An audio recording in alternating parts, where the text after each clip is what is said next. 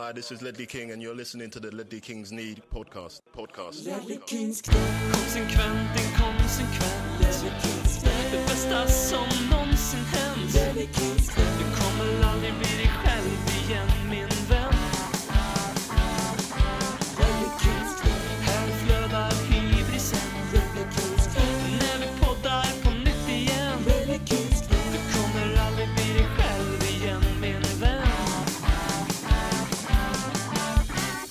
Hej och välkommen till Ledley knä, oavsett var du befinner dig.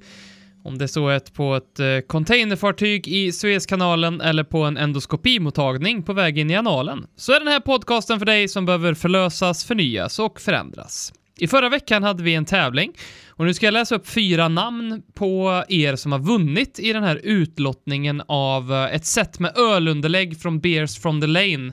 Så kan ni skriva till oss eh, för detaljer såsom adress och sådana saker så att vi skickar dem rätt. Grattis säger vi till Nils Westerberg Kork, Annie Sandqvist, Sam Lövgren och Tony Rodriguez. Skriv till oss så löser vi detaljerna. Robin heter jag och med mig för att dra slipstenen den här veckan har jag mannen som kommer döpa sin nästa katt till Graham Potter. Jag pratar om ingen mindre än betygskonsulten från Sveriges 17 största stad. Hur är läget BM? Hashtag Magic Potter. Hashtag Potter Potters Blue and White Army. Hashtag Graham Mania.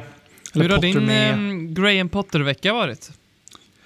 Det verkar vara en del eh, nyfrälsta till eh, altaret för Sir Sankt Graham. Men eh, Daniel Levy uppges ju inte vara en av dem utan av relativt insatta eh, ITK som inte försöker vara ITK så därmed blir lite mer trovärdiga bara för att de inte gör en grej av det.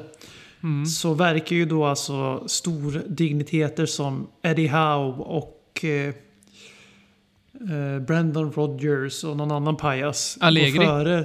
Ja, på tal om pajasar. Eh, I och för sig en rätt eh, komp- eh, som man säger, accomplished manager. Men eh, ingen jag vill se Spurs. Om vi har redan eh, Ultra Mourinho. Vi behöver inte ha en italiensk version av Mourinho. Men, Fy fan vad eh, det verkar inte som med- att eh, Mm.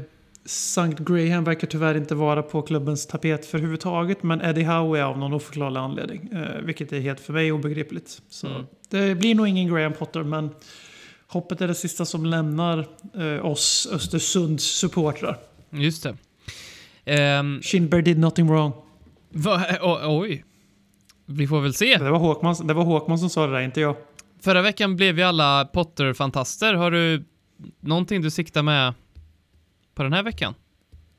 Eh, nej, jag fick, jag, fick, jag fick veto på att eh, ha eh, lika lång utläggning om varför Andreas Boas förtjänar en andra chans i Spurs. Så det. det. blir ingen tränarprofil då, men eh, vi skulle ju, när vi har oundvikligen torskat mot Newcastle här på påskafton, så ställ in era påskplaner. Även om pandemin så ska man helst inte ha några sådana, men om ni nu har det ändå så ställ in dem för helvete. Vi ska möta ett lag som inte har vunnit på ett år. De har två. inte vunnit på 20 matcher. Och när eh, de hade tre kryss i rad så sa Steve Bruce i en presskonferens att eh, “We're on an unbeaten run”. Så vi vet ju alla vad som kommer att hända på påskafton klockan fyra. Så att, eh, Dr. Tottenham. Åh fy fan. Uh, usch, tungt. Det har varit skönt med Tottenham Break. eh, men eh, jag tänker att vi skulle ju kunna göra en ny tränarprofil avsnittet efter den oundvikliga torsken mot, mot Newcastle. Men, kanske kommer- Julian Nagelsmann eller någon annan. Jag Ja, men det har vi gjort. Alltså, kom ett förslag så kör vi oavsett vem ni kommer med. Så länge det inte är Svennis eller någon sån Fy annan. fan vad sjukt, jag satt och tänkte på Jag tänkte precis säga Svennis. Nej för helvete. Svennis har ju gått, jag vet inte om det är att han börjat summera sitt liv, att han har fått något besked om att eh, det håller på att eh, ta slut eller sådär. Men han, har, han är ju så jävla aktiv nu med poddar och berättar om sitt liv och sådana här saker. Svennis. Så jag vet inte om han liksom vill försäkra sig om att han får skriva sin story. Vilken mörk eh, twist du tog på det där. Jag Ja. tänkte du skulle säga han har insett att hans karriär är slut, vilket den är. Eh, medans du, medans du, men du bara, ah, han kanske vet att han, han har fått ett dödsbud liksom. Det är kört för honom. Ja, då vill Ja, han... Ja. Nej, det, det, det tror jag såklart inte. Han, eh, han har väl insett att han har väldigt mycket att berätta, för det har han ju onekligen. Jävlar vad mycket framgång Svennis har smakat på. Eh, vad, på tal om eh, Tottenham-uppehåll, Anton Rosengren undrar ju vad vi har sysslat med den här tiden som har Fan, det känns som att det har varit lång tid. Och jag har nästan lite så här, samma känsla som man har på slutet på semestern när man börjar tänka så här, nej fan på måndag börjar jag jobba igen.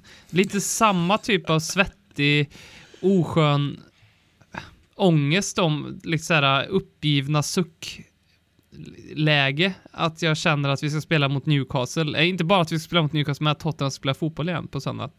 Kul för, inledning på en Tottenham-podd förut, men, eh, men vad har du sysslat med eh, nu under det här eh, läslovet, som vi kan kalla det, från Tottenham? Just nu så jag dubbelkollar just nu om vi verkligen spelar klockan fyra på påskafton på lördag. Men jag ser att det är en hel del Premier League-matcher på tablån här nu på lördag. Jag ser dock inte Tottenham Hotspur. Kan det vara så att vi inte spelar? Det skulle vara skönt att få några dagar till. Det jag har gjort sedan eh, Tottenham gick på vila är att jag har insett att mitt fotbollsintresse är otroligt eh, inte likadant som det var eh, före på corona. Och framförallt att det nu är väldigt knutet till Tottenham. För jag har sett bitar av Englands U21-matcher. Jag har sett bitar av Sveriges landskamper. Och det har varit rätt skönt.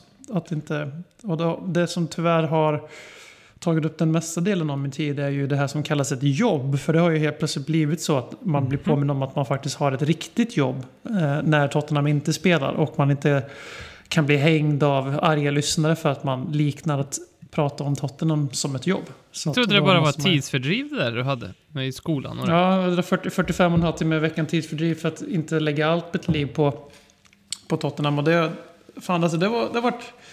Det som du beskrev det så bra Robin, alltså, det, det känns som jag har haft semester i två veckor. Mm. Så skönt har det varit att slippa Tottenham. Och det säger väl allt och lite till om hur det är att vara Tottenham-supporter just nu. Men vi, det har ju hänt lite grejer som vi kan gräva Ja. i. För att självklart så, Gud ja. Vi har självklart så får det ju inte vara lugn, lugn och ro i Tottenham-båten inte. Utan den Nej. står ju lite grann som den där Ever Given gjorde i Suezkanalen nu eh, fram tills idag.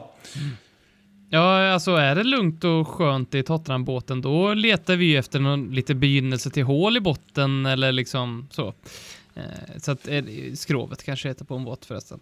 Men eh, ja, det är kul det här um, ena veckan när drevet in, inför VM-kvalet drog igång när de flesta blev så här, man borde bojkotta VM och Norge hade den där t-shirten på sig och sen hade Holland det och alla tyckte gud vad bra, vilket bra statement det är. Det är då är det kul att beakta det sen. Sen när Zlatan kom med då vart det intressant med VM igen. Då vill man kolla. Då vill man att VM ska bli av. Då vill man, då ah, har man inte riktigt tid att engagera sig i det där. Ehm, noterar jag. Jag har lärt mig eh, tack vare lyssnare Karin att Rabona betyder kosvansfint. Ja, just det. Det var en Mm. höjdpunkt under det här lilla breaket. Ja, så att eh, vi... Eh, du, du döper ju om din eh, serie med krönikor på vår hemsida nu till Klubb Kosvansfinten. Ja, eventuellt. Det, det, vi får se. Däremot så kom det ju lite rykten om eh, mannen bakom kosvansfinten. Eh, Eh, till under veckan som, eller den dryga veckan som har gått utan Tottenham. Där han placeras i Bologna. Och även vidare uppgifter om att det, han har ganska stort intresse i Italien. Det är flera italienska klubbar som är där och hugger. Han har blivit en sån Eh, här och- calcio-runkare som Thomas Wilbacher och alla de här som har Kompani. låtsas lärt sig italienska. Erik Lamela. Fy fan för er. Tråkig Ja, fotboll. och jag i sann eh, klubb Kosvansfints anda då har ju redan börjat planera de här hipsterresorna till valfri italiensk, gärna renässansstad. Mm. Eh, Och eh, har ju plockat med kikaren också i det starterkittet där eftersom att eh, italienska arenor med några få undantag så är det ju sisådär en, alltså nästan lika långt som det är till planen i West Hams skrytbygge. Mm. Är det ju italienska arenor. Man behöver ju, om man liksom ska man pitcha i Serie A eller på West Ham Stadium, den heter London Stadium. Då behöver man ju ha ett jävla flås för det, det, är ju- det är ju ett par kilometer före du kommer till, plan. Så att... Eh, eh, ta med fickordboken, ta med kikaren och eh, börja kasta med lite italienska fraser som eh, ragazzi, eh, grazie ponte och allt vad de nu häver ur sig, de här calcio-fantasterna i Sverige. Commendatori. Jag, Och, eh, jag hade en uh, itali- jag läste, Regista hade- Trequartista. Ja, just det, de alla fotbollstermerna. Caccianacho. Nej. Catenaccio. Catenaccio. jag, hade, jag läste italienska i två år eh, på gymnasiet och eh, vi hade en eh, lärare som eh, hette Per, men vi kallade han för Kenneth. Vi trodde att han hette Kenneth, så vi kallade han för Kenneth. Hela klassen gjorde det i två år. Sen så fick vi reda på, va, heter du Per? Han har inte sagt någonting. Det är också... Och det här är Per Frikebrant. Nej, tyvärr. Jag har också köpt fyra stycken Carabao Cup-nyckelringar eh, idag. Det kostar bara 37 kronor och äntligen skepp, de skeppas ju inte till eh, utanför eh, UK. Det gick ju inte att köpa där ett tag, men nu gick det. Så då har jag köpt dem. Det blir kul när jag får.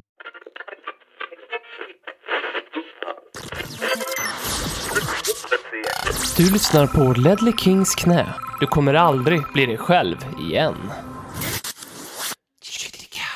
Men jag tycker vi drar igång. Vi har ju mer innehåll i den här eh, podden än vad... Ja, vad ska jag säga? Ett clubhouse-rum fyllt med representanter från politiska ungdomsförbund som hellre har en åsikt än att stå för någonting rätt eh, har. Så att eh, vi kör igång med Harry Kane-citaten. Vi eh, nåddes ju i veckan av någonting som var svårsmält. Han Harry Kane då fick en fråga om det var svårt att fokusera just nu med tanken på alla rykten om att han ska lämna Tottenham. Vilket var väldigt roligt för att det var ju någonting som piskades upp av media. Så det var lite, det var liksom lite så här. Hej, vi har piskat upp det här ryktet. Är, det, är inte det jobbigt för dig? Liksom? Så här, nu, vill, nu, ja, nu vill vi in på en till våg av våra sälja lösnummer här, så nu vill vi också ha din åsikt om det här ryktet vi själva har piskat upp. Eh, och han svarar då I think that's a hard question to answer right now. It's important that all my focus is on the two England games coming up now, the rest of the season with Spurs, and then the Euros. To be thinking about speculations or rumor would be damaging in terms of my own performance. Ja, men fair enough. Men så kommer det...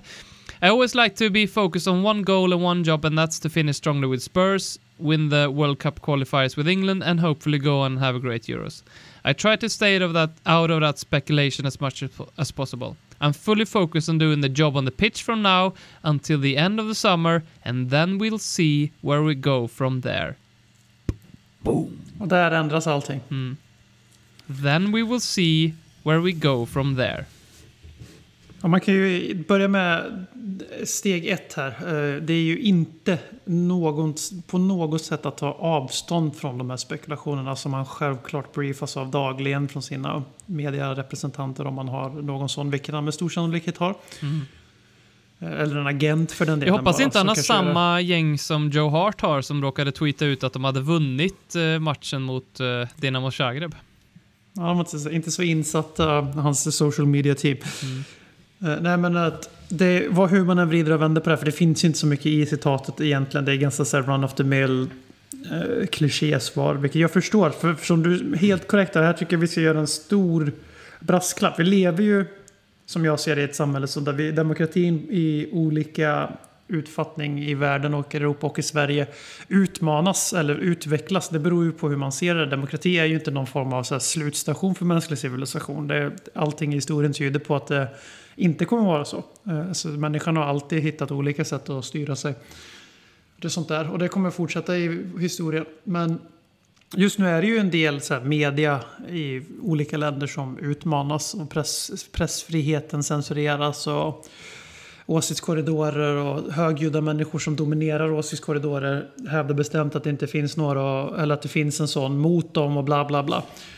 Eh, Men en sak som jag inte tror liksom gör media en tjänst i de här relativt oroliga tiderna om man ska vara helt seriös. Det är inte bara Polen och Ungern utan vi ser ju det här i, liksom, i Sverige också där vissa tidningar inte får komma till vissa grejer och vi ser i USA där vissa tidningar inte får komma till Vita huset och så vidare.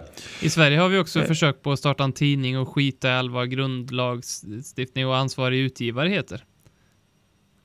Eh, Ja, du tänker på den där Bulletin. Mm, precis. De har ju dock inte skrivit något om Keynesoppan, så... Man hittar ingenting att copy-pasta. Hur svårt att översätta? Nej, jag vet inte. Nej, men att eh, då kanske man inte ska göra så här. Som vi tyvärr ser väldigt mycket i framförallt sportjournalistiken vill jag ju påpeka. Men även lite inom politisk eh, rap- rapportage eller rap- rapportering. Det är det här att man skapar själv en story och sen så ber man personen i storyn att kommentera och på så sätt legitimera storyn. För de här ryktena, det är ju idel ett engelskt drev. Det har ju inte kommit, det finns ju ingen annanstans överhuvudtaget utan det var någon spansk tidning som snappade upp det. Som Real Madrids eh, organ alltid gör när stora spelare nämns i något sammanhang så är Real Madrid alltid där och markerar sin närvaro. Mm. De är lite som, en, lite som sådär creep som raggar på alldeles för unga människor. Mm. Det är Real Madrid för mig. Då, så fort det liksom är någon relativt duktig fotbollsspelare som eventuellt är på vift, då, då är man där och liksom visar att man finns. Eh, Men eh, det här är ju en non-story för huvudtaget. eh, Som nu blir legitimerad av att Harry Kane svarar på den här frågan i rollen som engelsk landslagskapten och som Tottenhams bästa spelare genom alla tider kanske. Eh, Och han avfärdar ju inte det här. Det, det går inte att säga tyvärr hur mycket jag än vill så han hade ju kunnat döda de här. Han hade ju kunnat döda de här. eh, Det här drevet som jag inte. Det är ju ett drev men ändå inte. Narrativet. För att ta upp en eh, följetong från våran podd. Alltså det här narrativet som skapas om honom varje säsong och allt det har gjorts. Eh, som har lite mer slagkraft nu eftersom vi går lite krattigt. Han hade ju kunnat avfärda det totalt. Han väljer att inte göra det. Eh, och jag tror att eh, Harry Kane för första gången i sin karriär inte är 90-10 eller 100-0 eller 80-20 eller ens 70-30 att stanna i Spurs. Utan att han nog helt enkelt skulle kunna tänka sig att lämna. Eh, jag tror inte att han är beredd att forcera fram en flytt likt Dimitar Berbatov eller Luka Modric försökte. Eh, Men eh, med tanke på vad han också sa förra säsongen under coronapausen då, när han liksom faktiskt sa rakt ut. Jag har aldrig sagt att jag kommer stanna i Tottenham bara för stannandets skull, utan så, så länge klubben matchar min ambition, vilket den har gjort hittills, så eh, är jag beredd att stanna karriären ut. Men när den tiden är slut, då stannar inte jag bara för stannandets skull. Och eh, han har ju faktiskt sedan dess inte... Han har ju faktiskt inte sedan dess eh, antingen skrivit ett nytt kontrakt med Tottenham eller eh, gått ut i någon så här övertydligt sätt och liksom förankrat sin framtid i Spurs. Det behövs ju inte för att han har ju fortfarande tre år kvar på kontraktet efter den här säsongen. Men det är ju ändå lite oroväckande får man lov att erkänna. Att eh, för första gången på riktigt så tror jag att det ligger någonting i det här att Harry Kane eventuellt inte kommer att spela i Tottenham hela sin karriär. Förhoppningsvis så räddas det i alla fall lite kiss i byxan-effekt då kanske, men just det här sommarfönstret av att vi har en pandemi och att inte plånböckerna är så fulla och sprudlande och spännande som de kanske brukar vara hos vissa klubbar. Men det kan ju också innebära att lag som City ser sin chans att få loss Harry Kane till exempel, eller, eller andra klubbar för den chansen. United faktiskt också. Ehm, man kan ju jämföra citatet som man hade när han skrev på det senaste kontraktet. Det var ju lite i samma andemening och ordalag som du citerade här nyss, men We want to start winning trophies, so that's the aim. As long as the club keeps doing that, then I'm happy here. Sa han. Och det är ju ett, ett, en tydlig... Om man jämför också med citatet han sa, jag tror det är från samma artikel faktiskt som vi började prata om här, då eh, så sa han ju att både mentalt och fysiskt så känner jag mig i min absoluta prime just nu. Och ehm, det kan man ju också börja fundera på vad det väcker för känslor hos Harry Kane. Antagligen känner han att okej, det är nu jag är som bäst i den här säsongen och kanske kommande en, två säsongerna. Det är nu jag ska vinna titlar. Och ehm, förlorar vi ligacupfinalen och hamnar sexa så då tror inte jag att Harry Kane känner att det är i Tottenham man ska stanna för att vinna titlar. Om inte det kommer en väldigt tydlig indikator då från en, en Daniel Levy eller från en klubbledning som eh, visar att okej, nu körde vi lite grann ner i diket här. Nu ska vi satsa och värva de här spelarna. Jag tror inte att managervalet har så jättemycket att göra, utan jag tror att för att Kane ska stanna så vill han nog bara känna att klubben och managern ges och tar rätt beslut och fixar rätt förutsättningar och sätter rätt strukturer på plats för att vinna titlar. Med det sagt så, och, och nu vill jag separera vad jag själv känner, för jag vill ju såklart som alla andra Tottenham-fans att Harry Kane ska stanna i Tottenham hela sin karriär. Det hade ju varit fantastiskt på så många sätt. Men eh, om jag försöker att tänka bort min eh, subjektiva sida och mina känslor för klubb och eh, spelare så tycker jag definitivt att han borde dra, dra från Tottenham i sommar. Definitivt. För det mesta tycker jag inte direkt tyder på att vi i nästa säsong och en säsongen efter det kommer vara ett av de lagen som slåss om Premier League som Harry Kane vill vinna, Champions League. Ja, vi är i ligacupfinalen, men jag tror inte att det är den typen av titel som Harry Kane sitter och funderar på att han vill, vill ta. Ehm, och, och så. så jag tycker ju att, och det snackas ju mycket om det, här, det är många Spurs-fans som känner så just nu tror jag att jag skulle inte, jag skulle inte vara besviken på Harry Kane om han drog nu. Och um, jag skulle vilja dra det så långt till, till att jag, skulle jag vara hans syokonsulent så skulle jag säga att sök eh, spanska förnybarriärkursen och dra, ett, dra till Real Madrid. Ehm, eller City, där jag verkligen kan se att, att de gör en seriös push för att plocka in han nu när Gabriel Jesus har visat sig vara den största, eh, eller den sämsta anfallaren att ha i ett titelvinnande lag någonsin. Ja, nej, men alltså, det är ju absolut det, det var lite senare diskussionspunkt så, men det, det andra sättet att tolka de här uttalandena är precis så du gjorde där, det, så det leder det in på din slutsats. Alltså, det är ju det här att det här är ett sätt att sätta press på Danny Levy. Mm. Det har varit en sån vecka, vi kommer komma in på Gareth Bale, men vi sparar det just nu. Men där man kan sammanfatta att det har kommit ut ganska mycket citat om Tottenham Eh, eller kring våra spelare av alltså tongivande sådana, alltså Kane och Bale som vi fokuserar på i dagens avsnitt. Som liksom hur man än tolkar dem, hur, hur mycket man än läser in i dem så finns det en ganska tydlig underton i att put up or shut up. Mm. Det är liksom, man ställer lite krav på Danny Levy. Mm. Eftersom det är han som styr den här klubben med järnhand. Och jag, precis som du så är jag, jag tror vi överskattar hur mycket, trän, eller förlåt, hur mycket spelare bryr sig om vem som tränar dem. Så länge den här tränaren kan liksom motivera, motivera sin egen existens när de väl är på plats.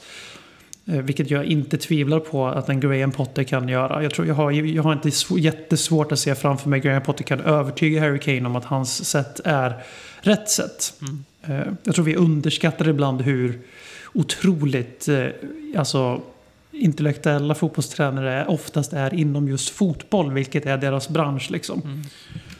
Eh, så det, det, där, det, är liksom, det var ju en av sakerna vi sa i förra avsnittet att Potters största minus kanske är just att han inte har namnet som håller kvar en Harry Kane. Och det tror jag fortfarande inte att han har. Men det är inte det som avgör Harry Kanes framtid, huruvida han liksom går igång. För jag tror knappast han gick igång jättemycket på Pochettino. Eller om man vänder på det, att om han gick igång på Pochettino då går han definitivt igång på Potter också. Eh, och José Mourinho må kännas som en stofil och må kännas som att det är rätt, han är rätt passé från sitt bäst före-datum. Det betyder inte att han är usel eller värdelös på något sätt. Och framförallt så bär ju hans namn fortfarande med sig en jävla respekt har vi märkt. Han vet Utan, hur man vinner titlar. Ja, eventuellt. Vi får väl se.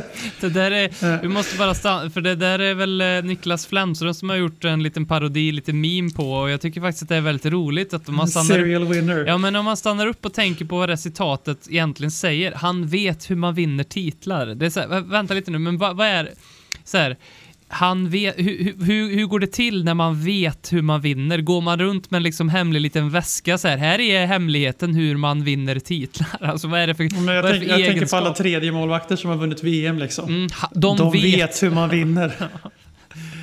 ja. Eller hockey, backups, backup målvakter i hockey som, som inte står en minut i slutspelet men får lyfta Stanley Cup ändå. Nej men att eh, det, det här liksom att det är Danny Levy som både Bale och, Lee, eh, och Kane pratar till. Jag tror att Bale var lite mer förberett. Och Kane fick ju en, alltså en forcerad, krystad frågeställning som bara är för att man ska kunna göra löpnummer och Twitter-interaktioner på Sky Sports främst. Och som driver den här mm. eh, kampanjen hårdast som de alltid gör. Mm. Eh, men det, jag har ju väldigt svårt att på något sätt känna någon form av agg till någon av våra spelare som gör så. Det var likadant när Danny Rose gjorde det för några år sedan. Även om han sin vana trogen gjorde det väldigt plumpt och var direkt respektlös mot lagkamrater i samma veva. Så var det ändå liksom kärnbudskapet var ändå ganska tydligt. Alltså vart är vår ambition? Vad är, det vi, vad är det vi vill egentligen? Och vi som följer det här laget, vi är ju högst medvetna om att Tottenham har inte samma digra historia som våra rivaler har. Men faktum kvarstår att Manchester United inte heller vunnit ett skit sen José Mourinho var där. Eh, Arsenal vann FA-cupen men de ser ut att sluta alltså, på gränsen till alltså, nedre halvan. Nu kommer de ju sluta topp 10 för det börjar bli ett litet glapp så. Eh, Liverpool kanske går från att vinna Premier League till och vara en av vä- alltså var världens bästa lag får man väl lov att säga eftersom de vann både Champions League och Premier League inom de där tre åren medan City bara vann ligan och, två gånger och tog 100 poäng två gånger. Eller om det var en gång, skitsamma. Men de går, håller på att gå från den höjden till att kanske missa Europaspel nästa säsong. Eh, men jag tror ändå inte vi kommer få se samma drev mot Sadio Mané eller Mohamed Salah eller Virgil van Dijk. För att de har ändå en legitimitet där som Tottenham saknar. Det får man bara acceptera. Eh, det gick lite snabbare än vad som var planen för Tottenham. Kane är ju en stor faktor. Det var inte på Pochettino utan att Kane blev en av världens absolut bästa spelare. Och som sämst världens näst bästa nia. Alltså som sämst. Eh, det var ju liksom, eh, det är ju en aspekt i det hela och nu är det ju dags för klubben då att visa honom. Inte bara för jag tror, jag, jag, jag håller med dig, det är därför jag inte bemöter det så mycket. Jag håller med, jag har kommit till hysa någon större agg mot honom, även om jag vill höja en liten brasklapp att Harry Kane för ibland tycker jag att man som, och ganska ofta dubbelbestraffar vi spelare. Vi förväntar oss att de ska vara dödslojala mot klubben, men klubben ska inte behöva vara det tillbaks. Det är lite så supporter tänker. Eh, som vi i, i slutändan faktiskt är här för klubben och inte för spelarna. Men bara en liten så här, Harry, Harry Kane har liksom aldrig haft en anledning att lämna Tottenham förut. Folk har alltid snackat om att oh, han är så lojal mot Tottenham, bla bla bla bla. Ja, fast jag vet inte om han är det. Han får ständigt klubbens dyraste kontrakt i historien varje gång han får ett nytt. Eh, alla våra kontrakt är kanske låg veckolön eh, jämfört med våra svinrika rivaler. Men väldigt bonusrika kontrakt. Till exempel José Mourinhos ökända 15 miljoner pund. Väldigt initierade uppgifter är att ja, men 4,5 av de miljoner punden är i bonusar. Som han måste liksom uppnå sportsliga resultat för. Han har Mauricio Pochettinos kontrakt. Det är världens största myt att han är så jävla dyr att köpa ut. Eh, och Kane är ju samma. Han kan ju pumpa in pengar eh, genom sina sportsliga framgångar. Vilket han uppenbarligen gör varje år. För att han är rätt duktig på att göra 20 pytsar och lite till. Men sen är det så att klubben har faktiskt växt i samma takt som Hurricane. Och jag tycker man gör Tottenham en jä- och den i livet en jävla otjänst om man liksom ska låtsas som att det bara är på grund av Harry Kane som Tottenham blev en legitim titelkandidat och blev en klubb som alltid har förväntningen topp 4 eller bust. Det är faktiskt inte bara på grund av Harry Kane. Även om han är det kanske den enskilt viktigaste spelarfaktorn så är det ju faktiskt inte bara han som... Ibland tycker jag att han framställs lite grann som Alan Shearer i slutet i Newcastle-tiden när de började dala. Och vi kanske är där som klubb nu. Det ser ju tyvärr ut så om man går efter förra säsongen och den nuvarande säsongen. Där förra säsongen tror jag Kane var beredd att se som en write-off med tanke på att Pochettino-eran tog slut. En ny tränare kom in. Vi var ett topp 4-lag under Mourinho poängmässigt sen han kom in. Vi är fortfarande precis där uppe och nosar sen han kom in till klubben. Eh, men det kan mycket väl vara så att vi är där nu, att vi kommer att fortsätta dala där och sjätteplatsen är våra tak i några år nu. Och då är det ingen snack, då är Harry Kane för bra för Tottenham. Ja, men, Men och det där jag skulle jag vilja slå hål på. Jag tycker det alltså en växen fråga i det där med att eh, ska, hur långt ska man tillåta att en spelare får eh, inte, nu kanske ta i för orden för mycket att vara större än klubben med att säga att, Men det är ju precis så han behandlas nu, det var det Ja. jag var inne på. Ja. Så jag håller med. att eh, hur, hur mycket liksom ska Tottenham styras för att plisa Harry Kane? För klubben är ju större, alltså han kommer inte att, alltså oavsett om han stannar tills han slutar spela fotboll som 37-åring säger vi. Mm. Så kommer Tottenham behöva liksom stå på sina egna ben efter det. Mm. Och ja, han är förmodligen den största spelaren klubben har tagit fram. Ja, definitivt i modern tid i alla fall. Alltså i, sen Premier League blev en grej. Det är inte ens en diskussion längre. Men så, alltså man kan inte, alltså han är inte ett offer här. Alltså det, ja, alltså han har just nu allt själv. För just nu är han för bra för Tottenham Hotspur 2021. För han har en, en rekordsäsong på gång med han har gjort över 30 mål, mål in, involvements, alltså poäng helt enkelt. Eh, han spelar 10 istället för 9 och ligger ändå och delar detta i skytteligan. Han är liksom helt jävla fantastisk den här säsongen. Och vi är ändå slutar sexa. Jag förstår att det, snacket kommer nu. Och jag är beredd att hålla med snacket. Men ibland så är det som att det har varit så här i fem år. Att Harry Kane liksom motvilligt stannar kvar för han är så jävla lojal. När verkligheten säger att det finns typ fem, sex, sju lag i Europa som kan ge honom en bättre lön. Tyvärr råkar fem av dem finnas i Premier League liksom. Eh, Tottenham är liksom en drake i fotbollsvärlden. Vi måste vid något tillfälle släppa det här mindervärdeskomplexet att vi är någon charmig liten uppstickare som Brighton håller på att bli i Premier League. För, för att få in lite potterunk. Men Tottenham är inte den klubben. Tottenham är liksom gigantisk. Alltså, Tottenham är precis som alla större Premier League-klubbar Alltså långt mycket större ekonomiskt nu. Inte sportsligt, ekonomiskt större än varenda jävla lag i Spanien förutom två. Varenda jävla lag i Italien förutom ett. Och det är så här, det finns två, tre klubbar i fotbollsvärlden som kan garantera titlar. Och det är eh, PSG på grund av att de spelar i Frankrike och har en ekonomi som är typ lika stor som resten av ligan tillsammans. Om, om ens det. Den kanske är ännu större än så. Förmodligen är den det. Eh, det. Financial Fair Play är ju det enda som hindrar dem från att typ köpa upp resten av lagen och, spela, och ha dem som B-lag. Eh, Och eh, sen är det Manchester City som har visat, får man väl lov att placera in dem i det facket. Alltså de vinner titlar. Till och med sina dåliga säsonger så De lyfter vet någon hur man vinner titlar. De vet hur man vinner titlar, ja. Och sen är det Bayern München. Real Madrid, ja. De förtjänar kanske också närmast i sammanhanget. Och Real Madrid och Barcelona är så gigantiska klubbar i världshistorien så de är väl med där. Men Sen har ju liksom- är de United råd att nypa Kane, men jag tror, som vi var inne på förra veckan, jag är ganska säker på att Harry Kane inte ser United som rätt steg. För att känslan nej, det är kring bara United... City i England. Det Ja. är bara City. Ja. Det, finns, det finns inte någon annan. Eh, Och det är ju för det första för att vi har varit bättre än United de senaste fem åren förutom en säsong och nu håller det på att bli en till. Där de Ja, är det är oklart. Vart är de på väg? De, det känns inte som att de, de... Det känns som att de håller på liksom med näbbar och klor och fingertoppar hålla sig kvar i toppen snarare än att de liksom är på väg att cementera sig där liksom. De utmanar ju ingen heller. Alltså ja, de ligger tvåa i ligan och är bättre än oss i år. Eh, Vi slog dem i och för sig med 6-1 enda gången vi har mött dem. Men, Mm. eh, ja, de är, de är Englands näst bästa lag den här säsongen. Men alla, alla människor skulle ha dem som högst som trea. Eh, om man skulle rangordna engelska klubbar. Sen har de en historisk styrka och storlek som gör att de är, de är absolut ett, ett realistiskt slutdestination för Harry Kane. Men jag tror inte att Harry Kane och andra fotbollsspelare ser dem på det sättet just nu. Det är därför de fick punga ut så otroligt mycket för Bruno Fernandes som let's face it, väldigt många Premier League-fantaster inte hade någon som helst koll på förrän han gick in och gjorde toksuccé. En av de bästa värvningarna vi har sett på, på 20-talet, absolut, men på länge i Premier League. Eh, och då är det liksom, det är Bayern München, de lär inte köpa Harry Kane, de har Robert Lewandowski. Det är Barcelona, de har inga pengar just nu, det kommer inte ske.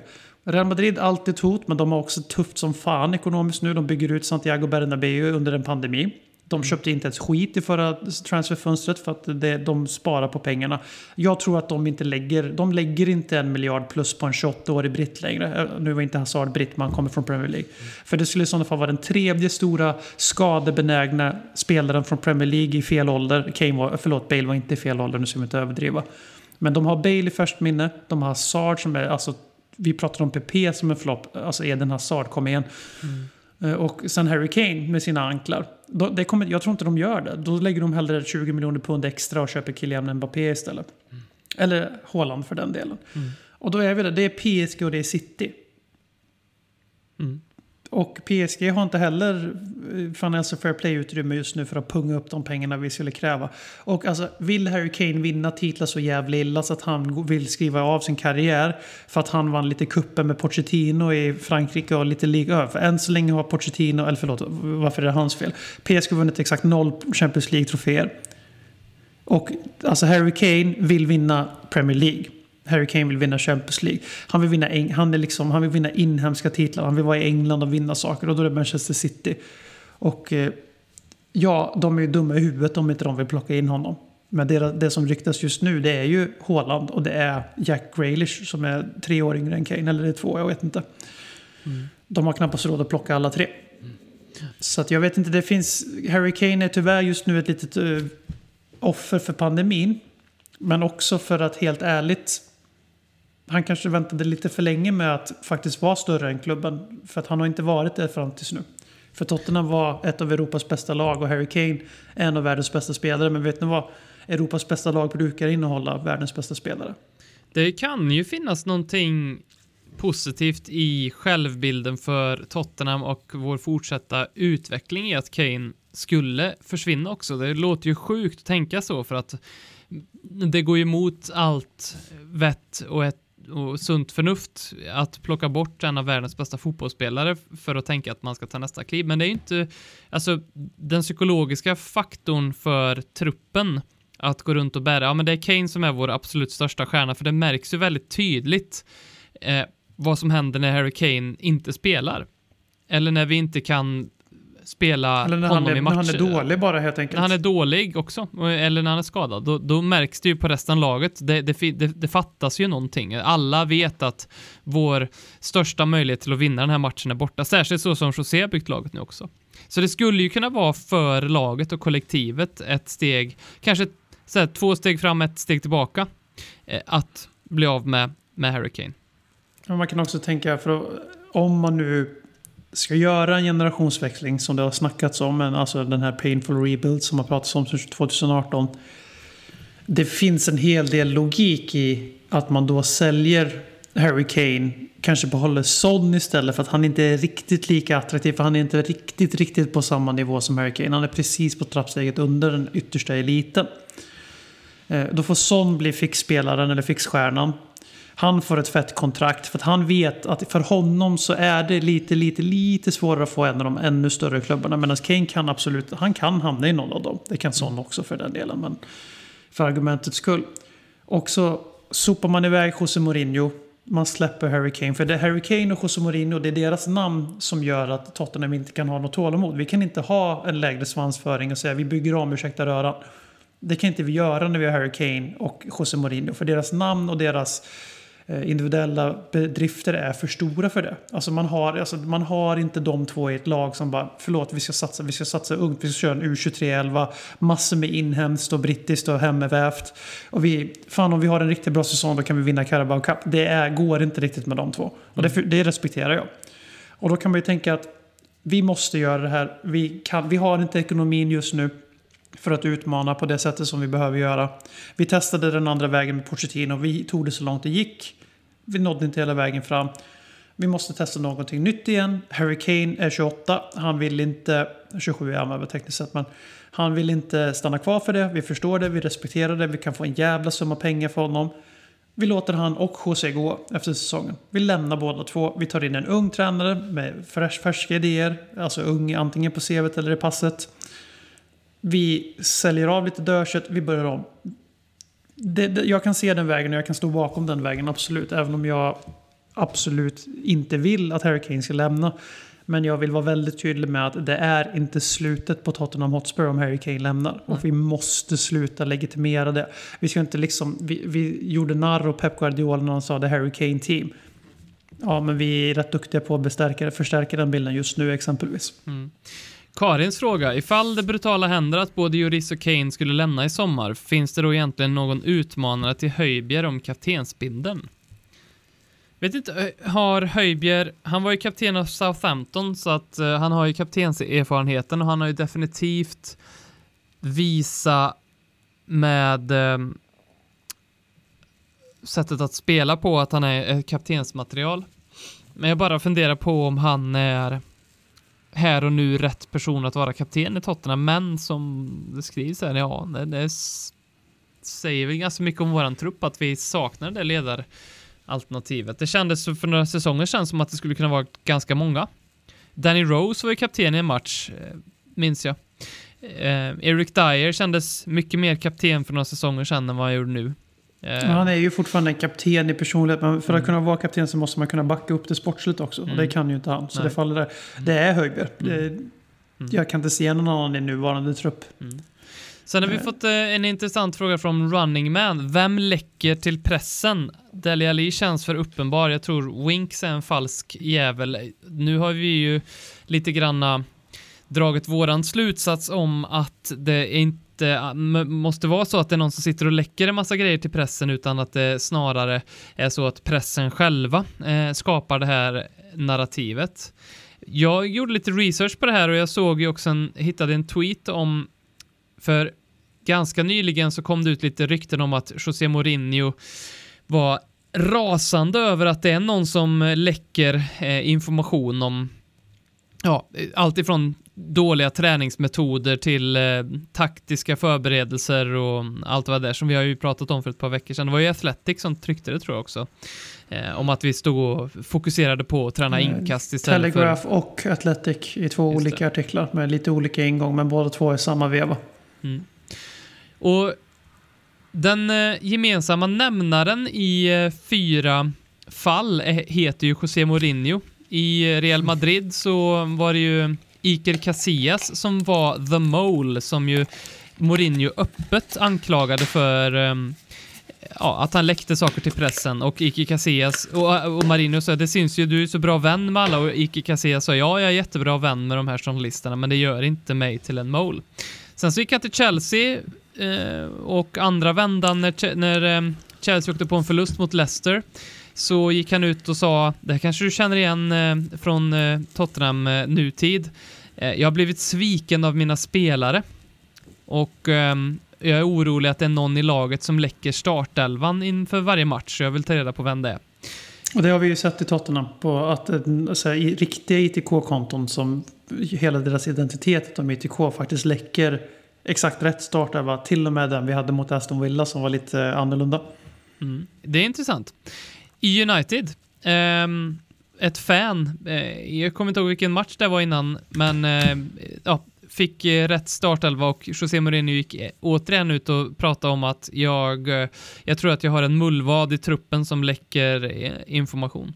Och jag tror inte att, när jag menar det här gemensamma nämnare, jag tror inte att det här är så att det är José Mourinho som läcker det här. Det tror jag absolut Ja, inte. det skulle vara machiavellianskt. Jag hade respekterat honom mer då alltså. Men vi kan stanna på det machiavellianska temat för att det jag tror är machiavellisk, machiavelliansk, machiavellisk, Jag vet faktiskt Eh. inte hur man säger på Machiav, ja, whatever. Gammal italienare som skrev någon bok om härskarteknik-ish eh, på Mm. 1100-tal eller något. jag det. Var en, det var en apt beskrivning faktiskt. Eh, han... ehm, jag tror snarare så här. Det skulle kunna vara ett verktyg i José Mourinhos, den sidan av José Mourinhos ledarskapsverktygslåda som jag inte riktigt gillar.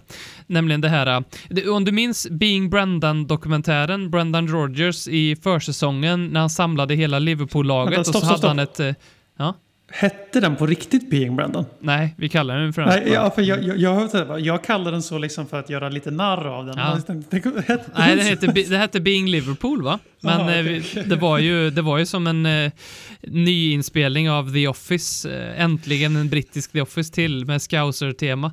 Nej, men, eh, i, Det var den inför... nästa manager du pratar om. Ha respekt i din mun. Ja, men det, han har ju tränat, Brandon Rodgers har ju tränats upp av José Mourinho, så det är ju... Och, och, och, och då inför försäsongen, eller i försäsongen inför säsongen så eh, tar ju Brandon Rogers upp ett kuvert och så säger han till alla spelarna att eh, i det här kuvertet så har jag skrivit två namn och det är de två namnen på två spelare som jag tror kommer att förråda oss den här kommande säsongen. Eh, och det, just, och det, det vet man ju att liksom jag tror inte att Brandon Rogers verkligen har satt ner och funderat på vilka som kommer att göra det, utan jag tror snarare det är bara ett verktyg. Det stod inget namn på de lapparna alls, utan det var ju för att försöka väcka hos alla spelare att så här, jag ska inte vara, han ska inte få rätt. Om det är mitt namn han har skrivit här så ska han få fel. Jag ska inte svika laget liksom. Och jag tror att möjligtvis skulle det här kunna vara med mullvadsgrejen en sak för José Mourinho som han bär med sig till alla klubbar att ändra för att skapa en liten osäkerhet i, i laget så att spelarna ska ty sig till honom. Um, för att han är en stark ledare. Eller för att helt enkelt när han märker, för i alla de här fallen så har ju United, Chelsea och Real Madrid, när han har börjat prata om mullvadar, så har det ju varit när resultaten har börjat dalat och om det är någon form av liksom ridå han börjar lägga. För det är så lite hans världsbild faktiskt ser ut, att egentligen alla håller på att slå hål på honom och motarbetar honom hela tiden, så är det ju möjligt så att han uppriktigt verkligen tror och använder det lite som en, som en grej för att dämpa sitt, sitt fall. Eh, helt enkelt när det kommer. Ska vi gå För att från- svara Ja. på frågan bara Karin så eh, Gareth Bale, Dele Alli, Nej, det var inte Carter var running man. Eh, Dele Alli, Harry Winks, Gareth Bale. Ja. Eh, mullvaderna alltså.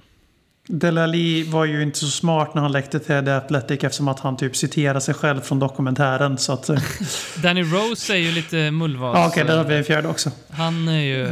Han bryr sig liksom inte längre. Han, han sitter säkert öppet och textar till typ allt som händer. Sitt, mm, så. Eh, ja. Ska vi ta kort Gareth Bales eh, kommentarer? Eller har han har ju svarat på dem. Ja, men det, i korthet det var väl att han, eh, han svarade på en fråga om vad hans framtid var. Och han sa, ja, men som alla vet, jag är i Tottenham nu. En av anledningarna till att jag kom dit, varför jag ska vara matchfit inför EM. Och det blir folk jätteupprörda för att han typ ser det som en träningsanläggning. Mm. Vilket, är det konstigt eller var, förstod inte alla att det var en av huvudanledningarna till att han kom till Tottenham? För att få speltid. Det är Ja, väl precis därför man går på lån liksom. Nej, men det, Eh, det, kanske var, det- ja, det kanske var lite klo, hans, d- d- Jag reagerar mest på det här att han sa att "Ja, nu är det landslagsuppehåll och då är det lite skönt att få komma bort Mm, från klubben det, när det inte går så bra. Det var ju lite klumpigt liksom. Man förstår ju ändå också vad han menar.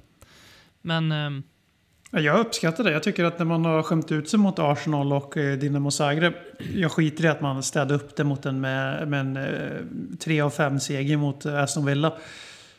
Eh, det, alltså det, det är ju ärligt.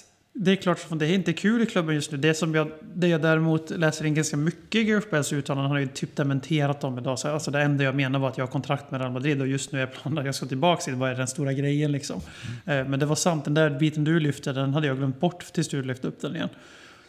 Eh, Men för mig var det väldigt tydligt att han, han och José Mourinho, det har väl alla fattat vid det här laget, att Gareth Bale är inte här för att José Mourinho vill ha honom. Mm.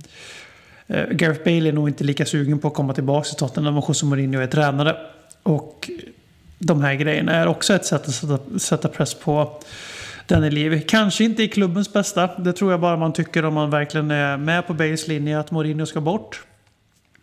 Harry Kane går ju inte att klandra för det han sa. För att liksom, det är klart vi alla fattar att om vi ska kunna liksom känna oss berättigade till att behålla en spelare av hans kaliber. Då ska vi nog också satsa lite. För vi har testat andra sätt och det funkar inte. Så nu måste vi uppenbarligen göra som alla andra klubbar. Alltså pumpa in pengar i spelartruppen. Mm. Eh, Det förstår jag. Det är svårt att bli arg på Harry Kane för det. Det är lättare att bli arg, på Gareth Bale som sätter press på klubben i stort sett för att han inte vill ha en elak tränare och få garanterad speltid. För det är lätt att tolka det så. Ja. Eh, Men det, för att ge lite cred till Bale. Han har ändå gjort 13 poäng på 25 appearances. Vi är lite väl hårda mot honom och hans sejour. Även om han absolut inte har eh, varit tillräckligt tillgänglig och spelat tillräckligt många viktiga matcher. Alltså ligan då, för den är ju viktig när allting annat går åt helvete. Eh, så har han ju faktiskt ganska bra poängsnitt på sätt till speltid. Så att han har ju ändå bidragit en del. Jag tycker eh, det är en icke-fråga om vi borde förlänga med honom eller inte. Han tjänar lika mycket i veckan i, eller säg så här, det, här- det, veckopengen kostar lika mycket för Tottenham att ha Gareth Bale som att ha Harry Kane, Tanguy Dombele och Pierre-Emil Höjberg tillsammans.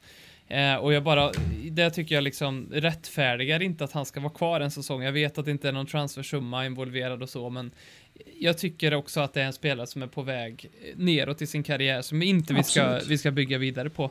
Eh, det var ju också ett citat som, och det här tycker jag är intressant, vi vill bara nämna det här, för Morin, i och med att Mourinho har det, den personligheten han har, han har det legacyt han har haft, så när Ben Davis är ju skadad nu och eh, när Wales tror jag det var, jag, jag kommer inte, nå- nå- något konto la ju upp Wales, yes. Wales, Det var en journalist som följde Wales landslagssamling i alla fall. Så var det, som la upp en bild på att Ben Davis var eh, skadad och då skrev Mourinho en kommentar på Instagram-inlägget. Ni vet ju, José Mourinho har ju hittat kärleken, inte bara eh, vid sidan av sin fru i, eh, i den, med den här donnan som han leker med, eh, helt öppet, men också med Instagram då. Eh, Eh, och där har, har han då kommenterat eh, eh, när en spelare ska, spelar skadad för att hjälpa sina lagkamrater att återhämta sig efter två funga, tunga förluster så kan sånt här ske. Och jag tycker så här, att här måste vi faktiskt ge José ett litet break. För att direkt när han skrev så, tolkningen blev att oj, kolla José Mourinho är inne och pikar an alla andra i laget med de här kommentarerna. Det är vad folk läser in. Det gör han ju faktiskt inte rent ordagrant. Rent ordagrant så är ju han faktiskt inne och skriver en mer eller mindre hyllning på sitt sätt, men en hyllning till Ben Davis att han är en fighter, han spelar trots att han är skadad. Det är möjligt att han hade åsikten mellan raderna att försöka pika andra, eller så hade han inte det. Men det är intressant tycker jag, jag betraktade det lite på liksom, så fort han skriver någonting eller säger någonting, då tänker man alltid, ah, han menar nog det här. Och det där ska vi nog akta oss för, för annars så kommer vi liksom sitta och övertolka allting och så kommer det bli en negativ, ja, ett negativt moln kring José som kanske inte alltid rättfärdigas vara där. Så, Jag kan jag sammanfattar med en sak och det är Tänk vad skönt det skulle vara att ha en manager där man inte hamnar i de här situationerna hela tiden. ja, Alltså, det är fan det jag ser fram emot mest när han lämnar. När det nu är. Jag skiter i om det är i maj som jag har satt mina pengar på. 23 maj, sista ligamatchen. mm, jag har 23 september, nej 23 november, Eh, 21 november. Eh, eller om det är när hans kontrakt går ut. Eller om han är kvar till 2030 och tar Tottenham till stor, storhet. Det ska bli så skönt när José Mourinho... Det här är inte hans fel. Utan det här är något som har skapats ganska organiskt och som han har spett på lite grann ibland. Liksom den här myten om honom. Den här demontränaren som han faktiskt är också. Det ska vi inte glömma bort. Att han är faktiskt en av historiens mest framgångsrika tränare. Eh, men just att han är den enda tränaren i världen. Han, han hade ju ett annat citat. Han hyllade sina Mourinhoistas Ja. under landslagsuppehållet. Eh, vilket, och han är ju, det, kanske, det finns säkert kloppianer och pepos, eller vad man ska kalla dem. Peps änglar. Potteristas. Ja, men jag är jag är, jag är Magic Potterite, så är det ju. Men eh, det ska bli så skönt bara att ha en tränare där, man, där det inte finns alltså, på fullaste allvar en falang av supportrar som hejar på tränaren före klubben. Att det finns för supportrar som följer med spelare. Det är så pass alltså, vitt spritt nu så det, har man liksom, det accepterar man lite. Man ser det ganska snabbt i de olika forumen eller på de olika tjänsterna man använder för att prata om Tottenham. Eh, Och man bara släpper det liksom. Men de här, de som bara hejar på José Mourinho som nu alltså stöttat Chelsea två sessioner, Manchester United en session och Tottenham nu. Och liksom, de hatar ju klubben när det går dåligt för att det är ju dåligt för deras hjälte om det går dåligt för klubben. Men Så alltså jag upplever man- inte att det finns så många såna här ja. Jag, Kolla på Reddit, gå in på Reddit, Kois, Okej. Reddit, Kois Reddit, alltså det är helt sinnessjukt. Eh, och man kan ju välja att inte ta in det här. Men att Mm. bara, det, bara det fenomenet liksom att han, och, att han själv spär på det.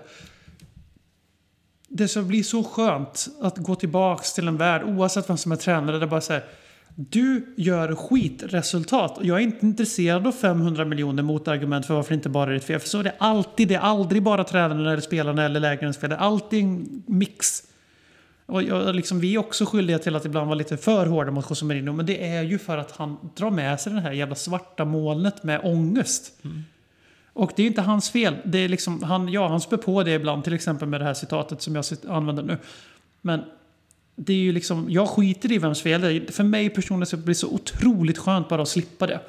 För de här svarta molnen som följer med Manchester annars, de brukar bara vara när det liksom är dödssträckan. Pochettino sista månader, AVB sista månader. Eh, alla tränade i historiens sista månader, men grejen är med José Mourinho har varit här sedan dag ett. Och han är helt enkelt, på tal om att vara för stor för klubben, hans namn är fortfarande otroligt jävla stort. Och jag tycker inte José Mourinho är större än någon fotbollsklubb. Men hans eh, profil utanför planen tyder väl kanske på någonting annat. och han vet hur man vinner titlar. Ska vi ta och skratta åt topp 6 eller? Let's laugh at the top six. They are really shit.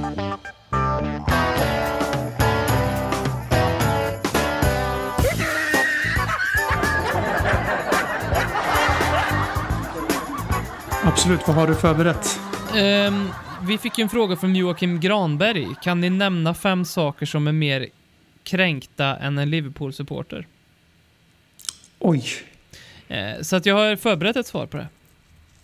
Här, Ja, kom- kör, kör. Det här, det här här- otroligt spännande. här kommer listan, de fem sakerna. Jag vet inte om Joakim skrev saker eller om det är jag som skrev av hans fråga fel, men eh, som är mer kränkta än en Liverpool-supporter. 1. En mellanchef som får beslut taget över sitt huvud. Ofta kränkt. Två. Folk i färgglada chinos som inte får göra sin beställning i baren före alla andra. Tre. Paddelspelare som får frågan “Har du testat paddel någon gång?” 4. Män som grillar och som får instruktioner om hur de borde grilla istället. Och 5. Folk i stadsjeep som ligger bakom någon på en enfilig motortrafikled. Alltså, det, där, det här är ju fantastiskt. Jag älskar, den- jag älskar den första för det var också, den var meta. För det var även en Liverpool-supporter du beskrev. Alltså jag Men hade den egentligen, chefen- all, jag tänker alla de här fem är Liverpool-supportrar. Jo, jo, jo, jag vet. Jag tänkte, men jag vill inte ge det för mycket beröm. Men alltså det där är ju, det är ju superbt. Mm, tack. Det senaste, var, det senaste de grinade över nu det är att Harry Kane är så jävla ful. Alltså att han spelar så jävla ful fotboll. Och det, är- alltså, det, vi, ger inte det mer, vi ger inte det mer bandwidth än vad det redan har fått. Men det är ju, alltså det, för fan, titta i spegeln för ni uttrycker er om spelare som spelar fult eller som fuskar. Alltså herregud. Eh, Det, vi kallar dem av sekten av en anledning och vi älskar många av dem och vi har framförallt ett gäng med helt fantastiska cop-ites i våran, på våran Twitterflöde. Men alltså självdistansen, alltså snälla hitta den. Harry Kane, vidrig människa som borde stängas av. Och kolla, där kommer Luis Suarez. Ah, ja, sjuk jävel. Ehm, jag, en till topp 6 här nu. De, de slutar ju inte topp 6 och dessutom är de i en annan liga, men jag har tyckt att det är lite kul. En liten passning nu till alla er som håller på IFK Göteborg. För, oh, för- oh, där kommer det bli känsligt. ja, nej men jag tycker ändå att Får jag jag, lägga till en sak på din, på din förra fråga som är mer kränkt än Liverpool-supportrar? Mm. Alla supportrar till något av de så kallade storlagen i Allsvenskan. Jösses vad de inte tål att man säger någonting eh, ens pseudokritiskt om deras klubb. Nej. Och här kommer en liten både hyllning och passning till de som håller på IFK Göteborg, för verkligen hyllning till sättet som eh, IFK Göteborg-supportrarna har fått hybris i och med Hamsik. Alltså sånt älskar jag. Det är det för mig som är supporterskap. När vi gör en Hamsik-värvning, då vill Alltså jag... Bale. Ja, typ. Fast helst någon annan, för, för min skull. Men eh, när vi gör en sån typ av värvning, då vill jag också ha den hybrisen. Då vill jag också känna, för det är det som är supportskap. Det är det när man känner att vi är fan bäst i hela jävla världen. Jag ska, jag ska köpa 27 tröjor, jag ska gå på varannan match och sjunga hans namn. Det är det som är så fint med supporterskap. Det kan jag bara hylla IFK Göteborgs-supportrarna, gör så jävla bra. Men sen också lite lättkränkta i just det här när då alla andra eh, AIK ah, Bayern var- ryktades väl om tackade nej till Hamsik och typ när, då, när deras supportrar började rättfärdiga någonstans på något konstigt sätt att ah, det var nog rätt att inte vi tog Hamsik och sådär. Att, att bli kränkt över det som IFK Göteborg-supporter, det eh, är också snudd på Liverpool-nivå. För det tycker jag också förekommer. Det tycker jag är lite synd. Det tar ner det lite grann. Så skärp er och bra jobbat IFK Göteborg-supportrar. Har du något annat topp 6-skratt? Nej, jag, jag tänker inte följa upp de där två. Det kan vara de bästa inslagen på, på veckor. Vad tycker du om, De- eh, jag skrev här, jag vet inte, jag kan inte utveckla, men troj, tröj-mockups, alltså sådana här, det kan vara det absolut värdelösaste jag vet. Jag vet inte hur vi ska få in det här på topp 6-segmentet, men just nu när det börjar... Ja, jo, men jo, vi kan ju skratta åt Uniteds nya tröja. Den är ju, det, det, det är ju ett skämt. men Team det är Beer, tror inte li- jag. Har inte ja, sett men- den slutgiltiga. Finns den eller? Ja, men det, Footy Headlines läckte ut en eh, alltså, grotesk tröja. Men det är en sak som liksom, de kan kasta upp i ansiktet på oss då. Ja, men de får åtminstone sin sponsor och ändra färg på sin sponsorlogga. Det får ju inte vi. Ja, det är att. Det är sjukt. Men alltså, det, det här tycker jag är så... Det är sån extrem waste of my time att titta på bilder med folk som har gjort typ ehm, ett försök till, eller ett utkast till hur Tottenhams tröja kanske kommer se ut. Alltså så här, den kommer inte att se ut så. Det, lägg inte tid på att skapa en tröja som inte finns. För det, alltså, vad, det, ge, det ger ingenting. Ni har noll påverkan. Ehm, Det de gör alltid också, steg ett, blå sponsorlogga istället för ja, röd. Ja, bort, Eh, bort Steg två, ganska ofta man tar en färdig design från ett annat lag. Ofta med samma leverantör, alltså Nike i det här fallet. Nike.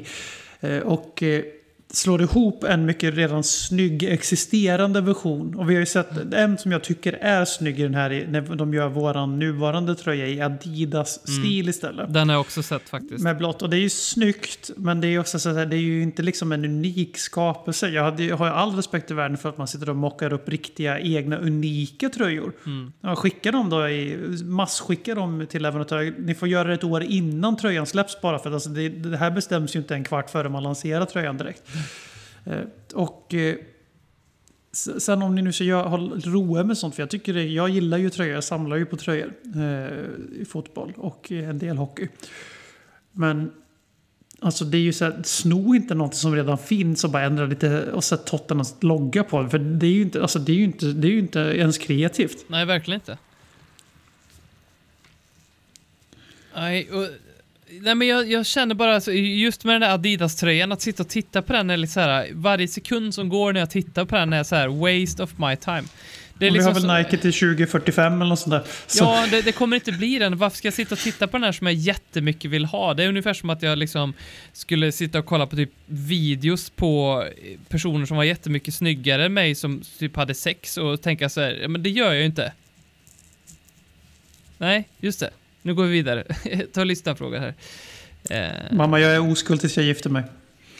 Daniel Makoto undrar en svensk landslagsman till Spurs. Vem? Du får inte säga John Guidetti. Fan!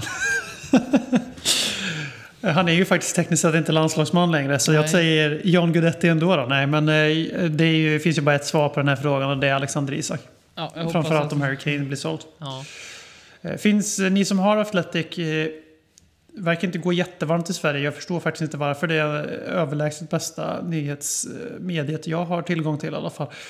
Men eh, ju, har en ganska bra artikel som går, finns där ute just nu på fotbollssidan som handlar om vill, om man inte kan få hålan, vem ska man gå för istället? Och där är Alexander Isak ett av alternativen och de gör en ganska bra profil av honom. Och jag ser ju en intelligent spelare som kanske behöver växa på sig lite för att må bra i Premier League.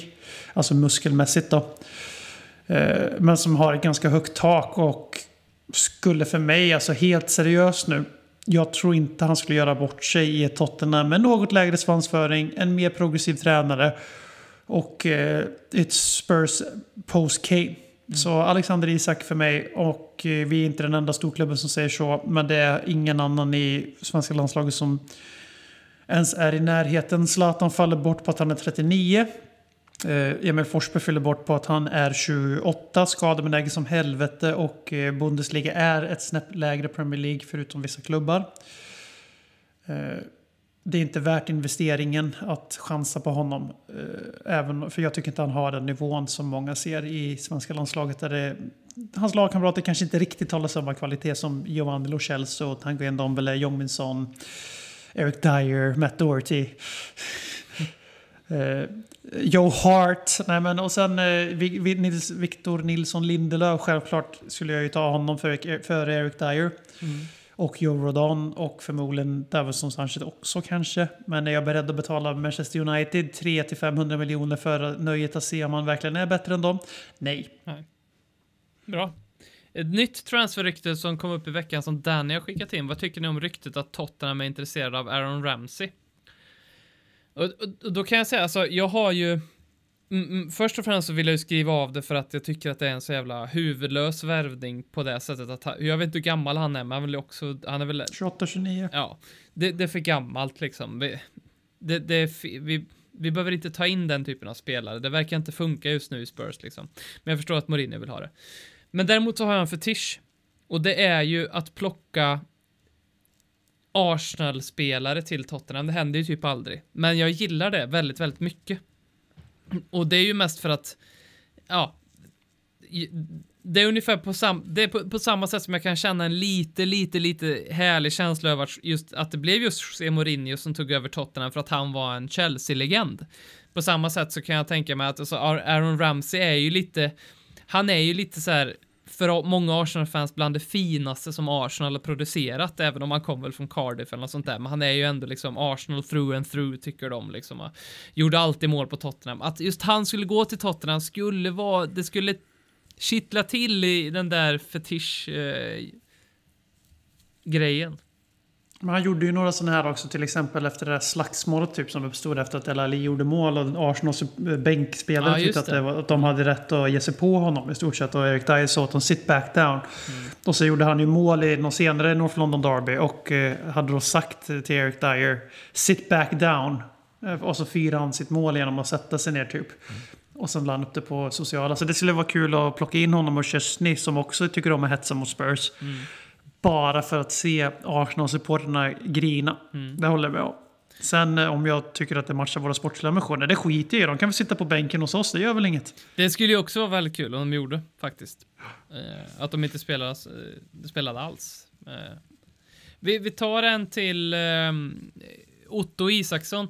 Köpa in Westergaard och Bottman och Bottman, jag vet inte om man säger så, men eh, Bottman. Botten Annas storebror. Han kommer alltid heta Bottman för oss.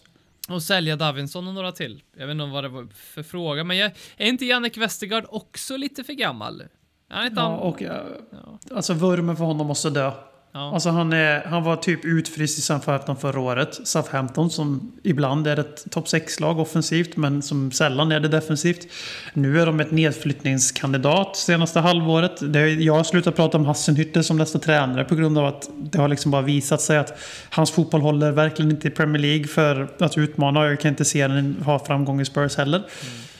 Eh, Just nu, eh, kanske helt fel där. Om man får jobba med de gubbarna vi har kanske han gör succé. Det vet man ju aldrig innan. Men eh, jag, jag fattar inte vurmen. Ah, han är storväxt. Jag vet att José Mourinho gillar storväxta spelare för att vi ligger ofta lågt. Och det här är ju också ett bevis för att det är ganska mycket skitsnack. Den här historierevisionismen som nu sker. Att Mourinho inte alls säger åt spelarna att spela så här. Men samtidigt så vill han inte ha Max Aarons Eh, utan att föredra Matt Doherty på grund av deras storlek. Och nu vill vi ha Jannik Westergaard som är en högst begränsad fotbollsspelare men är jävligt storvuxen.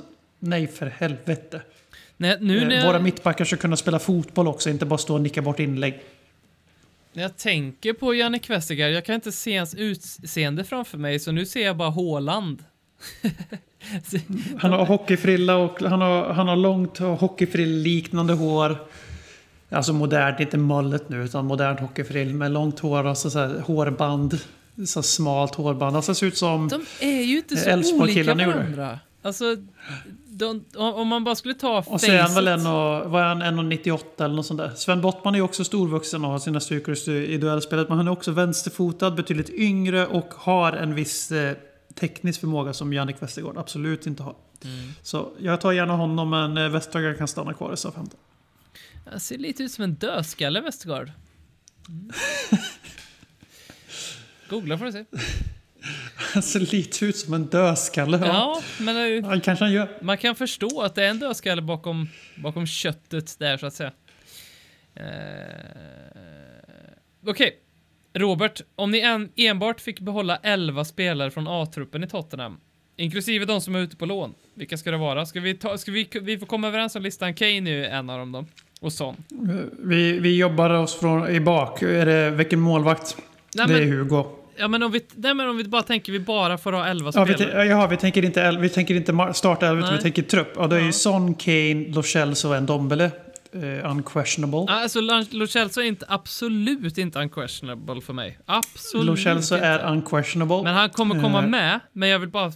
Jag vill, jag vill bara liksom ha, få det sagt, så att säga. Eh, Ja, han är utan tvekan våran fjärde bästa spelare i nej, Tottenham. Alltså nej, utan tvekan. inte. Nej, det är han inte. Det, nej. Alla, alla avancerade statistik säger att han är det och ögontestet säger samma sak. Nej. Han är en av två spelare i Tottenham som kan föra bollen mellan lagdelar. Till och med då, kanske tre om man räknar Harry Kane när han går ner och spelar mittfältare. Alla mina Eh. avancerade känslor säger att han är skadebenägen och eh, inte spelar så mycket. Ja, ja, precis. Och där där har du ju också fakta, med. faktamässigt Vi har- fel. Men vi, vi, vi, vi, vi låter upplevelser stå här. Men han är med i truppen, annars Ja. så avgår jag. Ja, nej, men han är med. Han är med. Han är med. Eh, Sergio Reguilon, som däremot Ja. till skillnad från Lo Celso är ganska överskattad. Men eftersom han är väldigt bra offensivt så ja, han är fortfarande den femte, sjätte bästa spelaren vi har i truppen kanske. Så det är ju inte Ja. så att det är något fel på killen. Men han är eh, lite som säger en del om Tottenhams supportrar Reguilon. För att han är väldigt bra offensivt. Där är han över, långt över medelsnitt. Men han är under medelsnitt defensivt. Men det förlåts för att han är offensiv kille. Men vi- Men det vi- är ingen vi- slump att våra mittbackar ser ut som, som sopor ganska ofta. För båda våra ytterbackar, oavsett vilka det är på planen, förutom Tanganga, är rätt jävla dåliga defensivt. Men jag Ja, vill det är bara därför sagt. vi borde spela 3-4-3 som jag vill... Ja men jo, alltså, ja, jag håller med. Alltså, det är, våran trupp skulle må bättre av att ha tre mittbackar eftersom att våra ytterbackar inte kan försvara. Men han, jag måste bara säga innan jag glömmer det, för jag, det här har jag tänkt att jag skulle ta upp i flera poddar, men jag har glömt bort det, så nu kommer jag ihåg det. Och det har inte jättemycket med den här frågan att göra, så vi kommer tillbaka till den sen. Men har du sett det här klippet från, alltså Reglion, det är ju lätt att tycka om honom och han lägger upp liksom lite så här klipp på sina sociala medier som också förstärker den bilden att så här, han, verkar, han verkar vara liksom, han har självdistans och han, det är lite humor i sig. Men det finns en grej som han blev liksom uppskriven för och som är verkligen, alltså, där sjönk han för mig. Han är fortfarande på plus, men det var efter en match som, jag tror faktiskt att det var hans tjej också, hon youtubern som la upp detta. Då sitter de i en, eh, vad som ser ut som en limousin typ, eller nå- någon privat, jag vet inte om han äger Ja, men den liksom bilen. en, en leasad town car som kör runt honom i London liksom. Exakt. En chaufför liksom. de, de yes. sitter där efter matchen. Eh, Hon börjar filma sig själv och så ser man att det är någonting så här och man tänker, hon är lite besviken, man tänker så här, okej nu sitter säkert han och surar för att vi förlorade, jag kommer inte ihåg vilken match det var, men någonting sådär och så tänker man nu ska det komma någon content så här typiskt fotbollsspelare och sitta så här. Nej, då sitter han och gamer i baksätet. Ja, det är så jävla sjukt. Och så sitter han och spelar tv-spel i, i och det är alltså stäng Han spelar av, Fifa också. stäng av tvn och kyss tjejen, för fan, alltså eller s- håll henne sällskap, håll henne i handen eller Undrar det, men du, Fråga hur är hennes är- dag har varit, Är vad det fan? Zidans ex va? Alltså Ja. inte Zinedine Zidane. Jag, det här är inte ens säkert att det stämmer, men det är det jag har lärt mig i alla fall. Att han är ju tillsammans med Zinedine Zidans före detta... Vad blir det när man är... Alltså det är Ja, ju in- svärföräldrar när man... Ja, inte Zinedine Zidans, Zidans sons ex är det. Ja, Mm. Precis. Ja, jag håller med. Jag hoppades att du skulle ta upp den, för det är ju ett stort minus i hans bok. Men Ja. han ligger ju fortfarande på starkt plus. Ja, men, Så han är med. prata med henne, fråga hur hennes dag varit för fan. Och sen för Hur fan, jävla sitta och spela dålig- Fifa i bilen. Alltså kom igen, det är Fifa vi snackar gammal om. FM är hade du? jag förstått. Va? FM hade jag förstått. Alltså den bilden och den bilden på Davinson Sanchez när han fyllde sju år, typ, och hade fått en tårta med liksom en bild på honom och sen hade han en stor jävla typ. fondvägg på sig själv också. Hur gamla är de egentligen? Ah. Ja, han är inte med i alla fall. Men Reglion är med i elvan. Nu har vi... Då har vi fem. Fem spelare.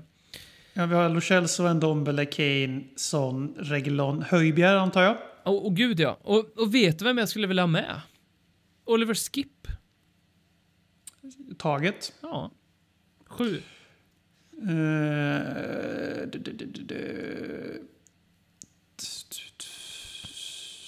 Jag vet inte fan alltså. Ska vi ta Dele Alli? Han är ju en av våra fem bästa spelare i, när han är på toppen av sin förmåga. Men frågan är om han har kvar den förmågan. Men eh, vi kan klura lite. Vi sparar honom som ett, ett, ett elfte kort tycker jag. Det här är för övrigt en övning som går ut på att visa våran trupp är svag. Det håller jag inte med om. Men vi, ska ta, vi får bara välja ut elva. Eh, Men jag tycker nog jag ändå... vill ju absolut göra plats för egentligen för Tanganga, Sessignon Mm. och Scarlett också. Men det är ju egentligen bara för att de är unga lovande. De, är inte, de har ju absolut inte visat det på planen än som Skip Nej, har gjort. nej. Inte i samma utsträckning. Så eh, de kan vi också spara. Men då är det så här, vi, Lucas Mora, Lamela, fantastiska truppspelare ska inte vara med de, om vi bara får behålla 11. Ja, men vi måste Riss ta Hugo ju upp igen. Ja, vi måste ta Hugo. Ja, För det kvaliteten är så pass hög, eller, även om man inte är Hugo i sin absoluta prime. Då har vi åtta då, eller? Ja, och vi måste ta Toby. Jag vet inte fan om jag håller med. Jag tycker, att han är, jag tycker inte att han är vår bästa mittback längre. Jo. Han är dock vår enda tänkande mittback. Ja. Och herregud, när vi har liksom folk som sitter och spelar FIFA efter en match, då måste vi ha någon som tänker där bak. Åh, Ja, jag, vill, jag, jag vill hellre ha Tanganga än Toby, men jag är kanske för hård mot Toby där. Ja. Att jag jämför honom med sig själv. Ta båda två då. Ta- Tanganga är ju inte bort sig ändå. Han får ju spela, han får inte spela jättemycket, men när han gör det så gör han ju inte bort sig. Han får alltid spela olika positioner också. Ja. Men då har vi 10. Då är det alltså Dele Alli versus Sessignon ryker ju för att han har inte visat tillräckligt i Spurs. Det, det fattar jag själv. Scarlett vill man ju väldigt gärna ha med för man, jag tror verkligen på killen. Att, och om, jag säger så här att om vi nu behåller Kane mot sin vilja, vilket jag tror att vi kommer göra när allting är sagt och gjort den här säsongen.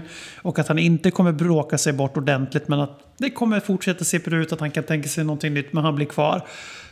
Eh, om ett år så är Scarlett ett år bättre. Om två år så tror jag att Daniel Levy är ganska redo att säga hej då till Harry Kane för att det är dags för Dane Scarlett att spela som ordinarie anfallare. Så, att det, så hög potential tycker jag att killen verkar ha. Och jag skulle vilja ha honom som elva framför Dele Alli. Han, eh, José Mourinho sa ju också att Dane Scarlett är i, i planerna för nästa säsongs A-lag. Han är liksom... Det är antagligen, Mm. därför det är antagligen tror- han som ersätter Vinicius nästa säsong. Vi gör antagligen inte en anfallsvärvning, utan det är antagligen Scarlett som går in där. Och vi har ju också Troy Parrott som folk har gett upp på. Han ligger, han ligger ju inte topp 5 längre bland våra lovande spelare. Men det är fan ett styrkebesked att han inte gör det. Det betyder inte att han är dålig. Eh, Men det betyder att vi har bra tillväxt på gång. Och därför jag tror att Harry Kane inte är så oumbärlig som vi tror. Men just nu är han det. Men eh, då är Dane Scarlett är 11 då eller? Ja, det får det väl vara. Det är väl fint att toppa av det med, med honom sådär. Vi... Eh, Vilka, är det någon nu, bara före vi släpper den, är det någon, nu, någon spelare vi har missat nu och inte ens nämnt som folk kommer bli... För jag såg till att slänga in Lamelas namn och jag slog in, såg, såg till att slänga in Lukas namn även om jag absolut inte tycker de är i närheten av de elva som måste vara kvar. Men är det någon vi liksom Ja, vi har inte- brainfartar bort nu? Vi har inte nämnt Sanchez och Surge och vi har inte nämnt uh, Sissoko Ja, det är okej för och mig. Winks Ja, det är okej och, för mig. Det är okej för mig. eh, Bergwijn har vi inte nämnt, men han känns ju iskall. Så. Han egentligen är väl närmast av alla namn du rabblar nu, men han är absolut inte där 2021. Det går ju inte att säga det. Alltså då, då, då gör man ju bara för att vara tvärtom i sådana fall. Nej, det är de elva. Ja, bra. Tanganga, Tanganga, Hugo, Toby, Scarlett, Sergio, Pierre-Emil, Harry, Jongmin Tengay. och eh, Giovanni och Tanguay. Eh, En sista fråga från Karin. Om... När folksamlingar är tillåtna igen och nya arenan funkar som den ska, vilken artist skulle få er att dra över till London för konsert på Tottenham Hotspur Stadium utan att det erbjöds fotboll under samma resa? Det var helvete vad hon ska vara smart. Jag hade, jag hade inte direkt Artisten är, är eh, Tango Ndombele. Eh, Det finns ingen artist jag åker till Tottenham Hotspur Stadium och ser på före jag har sett fotboll där. Ingen. Ja, men det är det nog för mig. Men jag måste bara tänka på vem det skulle kunna vara. För det, de flesta grejer, vi är ju ganska bortskämda i Sverige med att de flesta Kommer till Stockholm Ja, åtminstone. Ja, Eller de är ju oftast det. Eller till i närheten Oslo i alla fall. Så att alltså, de stora, men det skulle ju vara någon som då... Alltså de jag överväger medan du tänker då. eh, För du har ju ett riktigt svar. De enda jag skulle ens överväga, men det skulle aldrig ske. Är Jay-Z, Nas, Kendrick Lamar. men de kommer men ju det- också till eh, Sverige. Exakt. Mm. Men det är de jag ens skulle tänka tankar. Men det skulle aldrig ske för mig. Det är ärligt talat, det, det är bara fotboll som lockar i 1.17 för mig. Fina Kendrick Lamar som ju finns fotad i en Tottenham-tröja, va? Jag har... Kan vara så. Eh, Jag tror det, för han är ju polare med eh, AJ Jura. Det finns, det är bara att googla. Ke- Men det är ju inte så att, tyvärr är det ju inte så. Det hade varit eh, underbart om Kendrick Lamar höll, höll på Spurs och var, men det är Vi han. claimar honom nu. Han vi, håller vi på claimar Spurs. honom nu. Eh, vi claimar honom nu. Jag svarar att ehm, det måste, eh, säg så här, The Beatles gör någon form av haltad återförening och bara spelar på Tottenham Hotspur Stadium, då åker jag dit, för de skulle nog inte åka till Stockholm. Eh, Om de återuppstod också, de, John Lennon framförallt. Ja, då- då, då hade man ju Ja, då definitivt åker jag, men då åker jag många, av många skäl som jag åker dit för att titta på det här. eh, och sen så funderade jag också på om Led Zeppelin skulle eh, göra, de är också avliden eh, bandmedlem, så om, de, om de skulle plocka, typ, för det, jag för mig att de inte var, det är möj- möjligt att jag har fel men jag tror inte att de, när de gjorde den turnén sist, att de hade ett Stockholmstopp, utan det var nog bara England. Eh, och sen tror jag Steely Dan skulle jag åka på också. De har ju inte, de åker nog inte, de gillar ju inte att turnera. Jag tror inte de turnerar längre heller. Eh, men, men, men så så var det sagt. Vi stänger eh, böckerna för idag och tackar för att du har lyssnat på ett avsnitt av Ledley Kings knä som i stora delar eh, Handlar om snackisar. ja, handlade precis, handlade om eh, Aktuellt i veckan och Vägskäl hamnade avsnittet om. Tottenham är inför ett vägskäl. Det, var, det är faktiskt vad avsnittet handlar om. Harry Kane är ett- Genom vårt pladder. Harry Kane är ett vägskäl eh, i livet. Eh, som vi också får anledning att komma tillbaka till, som vi anledning kanske också får ägna ett terapi. Först får vi göra det här obligatoriska, vi minns Harry Kane. Och sen så får vi göra avsnittet om hur vi går vidare efter det här framöver, kanske.